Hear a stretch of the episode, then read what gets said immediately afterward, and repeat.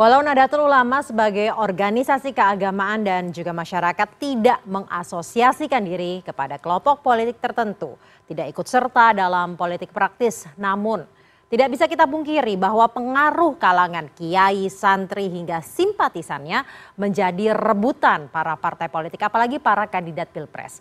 Basis masa yang besar dan juga loyal menjadi uh, dua dua salah uh, atau salah dua pemikat bagi para pencari suara di masa-masa pemilu seperti saat ini. Yang teranyar perebutan suara ini begitu kental terasa antara Yeni Wahid dan Muhaimin Iskandar. Lalu bagaimana catatan media terkait dengan hal ini? Kita akan berbincang dengan Wakil Pemimpin Redaksi CNN Indonesia, Revolusi Riza. Selamat malam Mas Revo. Selamat malam Caca. Mas Revo, perebutan suara warga NU, kita tahu ini bukan hal baru. Sepertinya pemilu demi pemilu ini terus ada, namun uh, ini benar-benar terasa pada pemilu kali ini setelah kemarin deklarasi Caimin menjadi cawapres kemudian Yani Wahid bertemu dengan Prabowo semakin kentara gitu. Bagaimana catatan media terkait perebutan suara warga Nahdien ini, Mas Revo? Ya, memang seperti yang tadi Caca sampaikan di awal bahwa suara Nahdien itu selalu menjadi quote ya tanda kutip eh, diperebutkan oleh para eh, kandidat gitu oleh para kandidat dan juga partai politik. Dan ini tidak mengherankan mengingat memang dalam eh, catatannya Nadatul Ulama ini merupakan organisasi massa terbesar lah bisa dikatakan terbesar di Indonesia. Dari beberapa catatan beberapa menyampaikan bahwa suara Nahdilin di pemilu itu berkisar dari ada yang menyampaikan smrc misalnya dua puluh juta pemilih tapi beberapa yang lain menyampaikan bisa sampai sembilan puluh lima juta dan beberapa bahkan uh, menyampaikan klaim anggota uh, Nahdlatul Ulama ini bisa lebih dari 100 uh, juta orang. Nah dengan kapasitas dengan kekuatan uh, sedemikian dengan suara yang sedemikian besar maka tidak mengherankan kalau Nahdliyin ini uh, diperebutkan dan tidak hanya sebenarnya oleh uh, Muhaimin Iskandar atau Yeni Wahid ya dalam konteks memang dalam seminggu pekan terakhir uh, dua nama ini mencuat tapi juga oleh partai-partai yang lain. Uh, P3 misalnya basis masanya juga merupakan basis masa dari Nahdlatul Ulama. Kemudian juga ada beberapa orang tokoh-tokoh lain yang tersebar di partai-partai politik yang uh, bukan P3, bukan PKB gitu ya yang selama ini kita kenal sebagai basis masanya adalah basis nu misalnya eh, Effendi Hoiri misalnya Gus Coy yang dari Gresik yang sekarang bergabung di Partai Nasdem eh, basis masanya juga bisa dikatakan basis masa NU dan eh, beliau juga merupakan memang eh, apa besar di organisasi NU. Nah ini makanya itu tidak mengherankan kalau misalkan memang eh, nu ini diperbutkan. Eh, dan lagi catatan kita kita tahu bahwa pemilih di Indonesia itu masih ada eh, dalam secara kultural gitu ya eh, ada istilah patron klien gitu. Jadi misalnya pecah gesang derek dur gitu atau pecah mati gesang hidup jadi mati hidup ikut Gus Dur misalnya. Atau misalnya pecah gesang derek Bung Karno atau ikut Bung Karno. Artinya memang tidak bisa dipungkiri bahwa eh, kultur patron klien itu masih sangat kuat eh, di Indonesia. Artinya kalau misalkan kandidat atau partai politik itu bisa mendekati pimpinan pondok pesantren misalnya atau ulama atau kiai, maka bisa diharapkan maka diharapkan santri-santrinya itu juga akan mengikuti pilihan dari kiai atau ulama tersebut. Eh, tidak hanya dalam kalangan santri tapi juga di beberapa yang lain organisasi massa kelompok kelompok masyarakat eh, patron klien itu tidak bisa dihindarkan.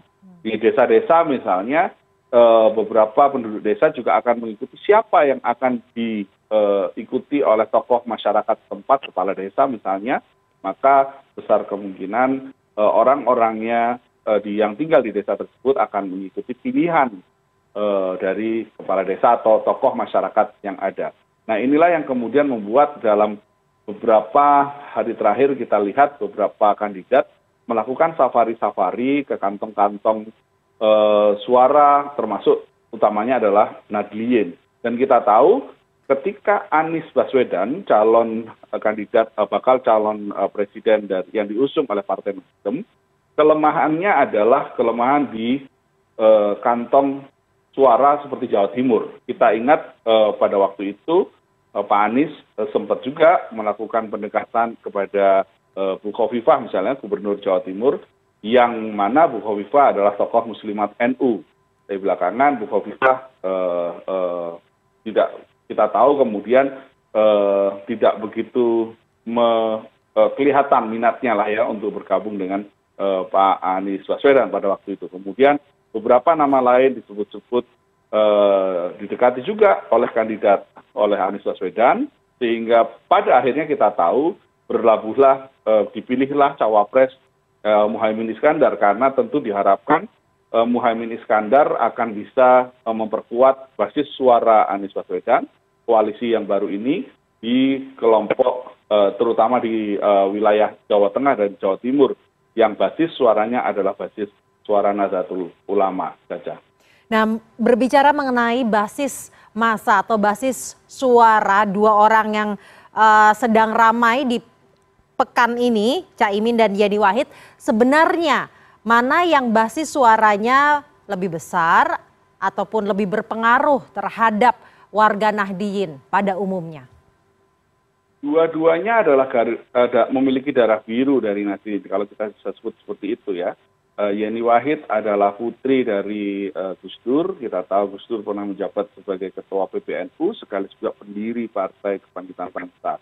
Yang pada tahun 2008 kita tahu bahwa pada waktu itu terjadi konflik antara Gus Dur dengan Muhaymin Iskandar. Sehingga pada waktu itu kemudian Muhaymin Iskandar apa ada munaslup ancol dan munaslup di bogor dan pada akhirnya pada waktu itu pemerintah memutuskan pada waktu sengketa dibawa ke ranah hukum dan dimenangkan kita tahu bersama. Kemudian pkb yang sah ditetapkan adalah pkb versi muhaymin iskandar.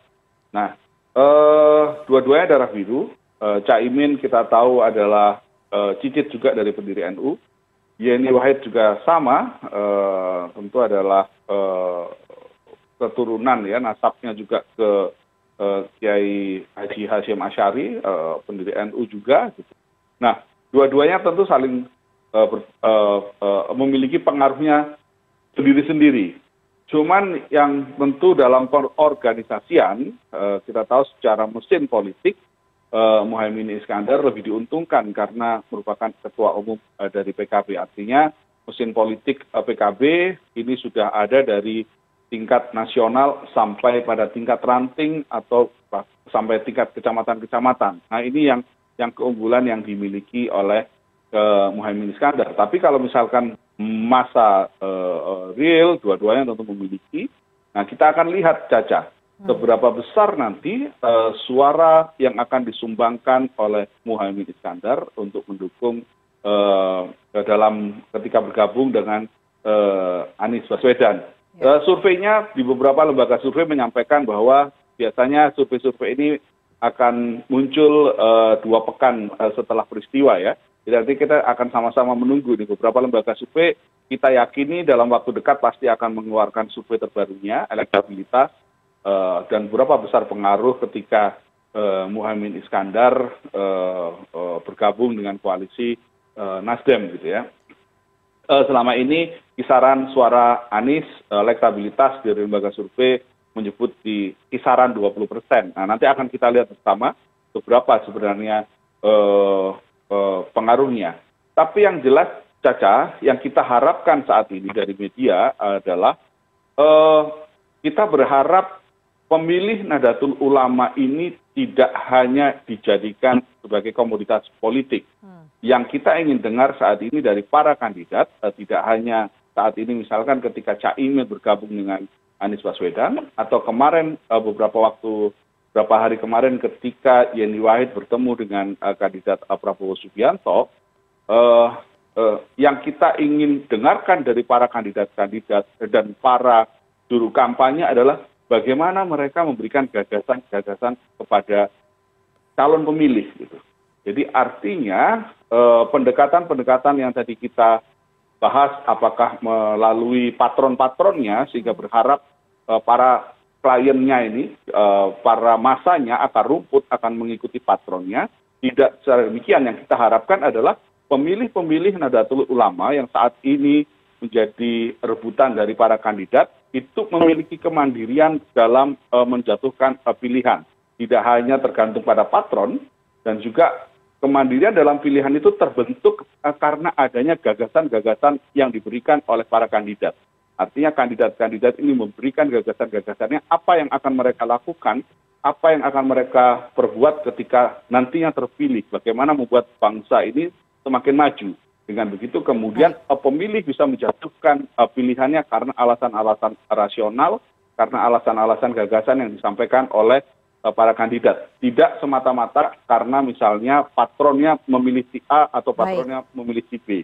Tapi lebih karena memang secara mandiri secara merdeka secara rasional memilih karena gagasan yang disampaikan oleh para kandidat. Sehingga publik pemilih ini tidak hanya sekedar menjadi komoditas saja. Baik Mas Revo mengenai untuk menjaga warga Nahdien ini tidak sekedar menjadi komoditas politik apalagi selalu di tengah-tengah pemilu pilpres pbnu ini juga sudah melakukan konferensi pers menyatakan bahwa tidak ikut dalam politik praktis kemudian tidak terasosiasi oleh partai politik dan ini disampaikan langsung setelah klaim dari caimin nah pernyataan ini selain untuk menjaga tadi agar tidak menjadi komoditas politik apakah bisa merugikan caimin ataupun yedi wahid ataupun siapa pun yang kemudian berusaha merebut suara nahdien?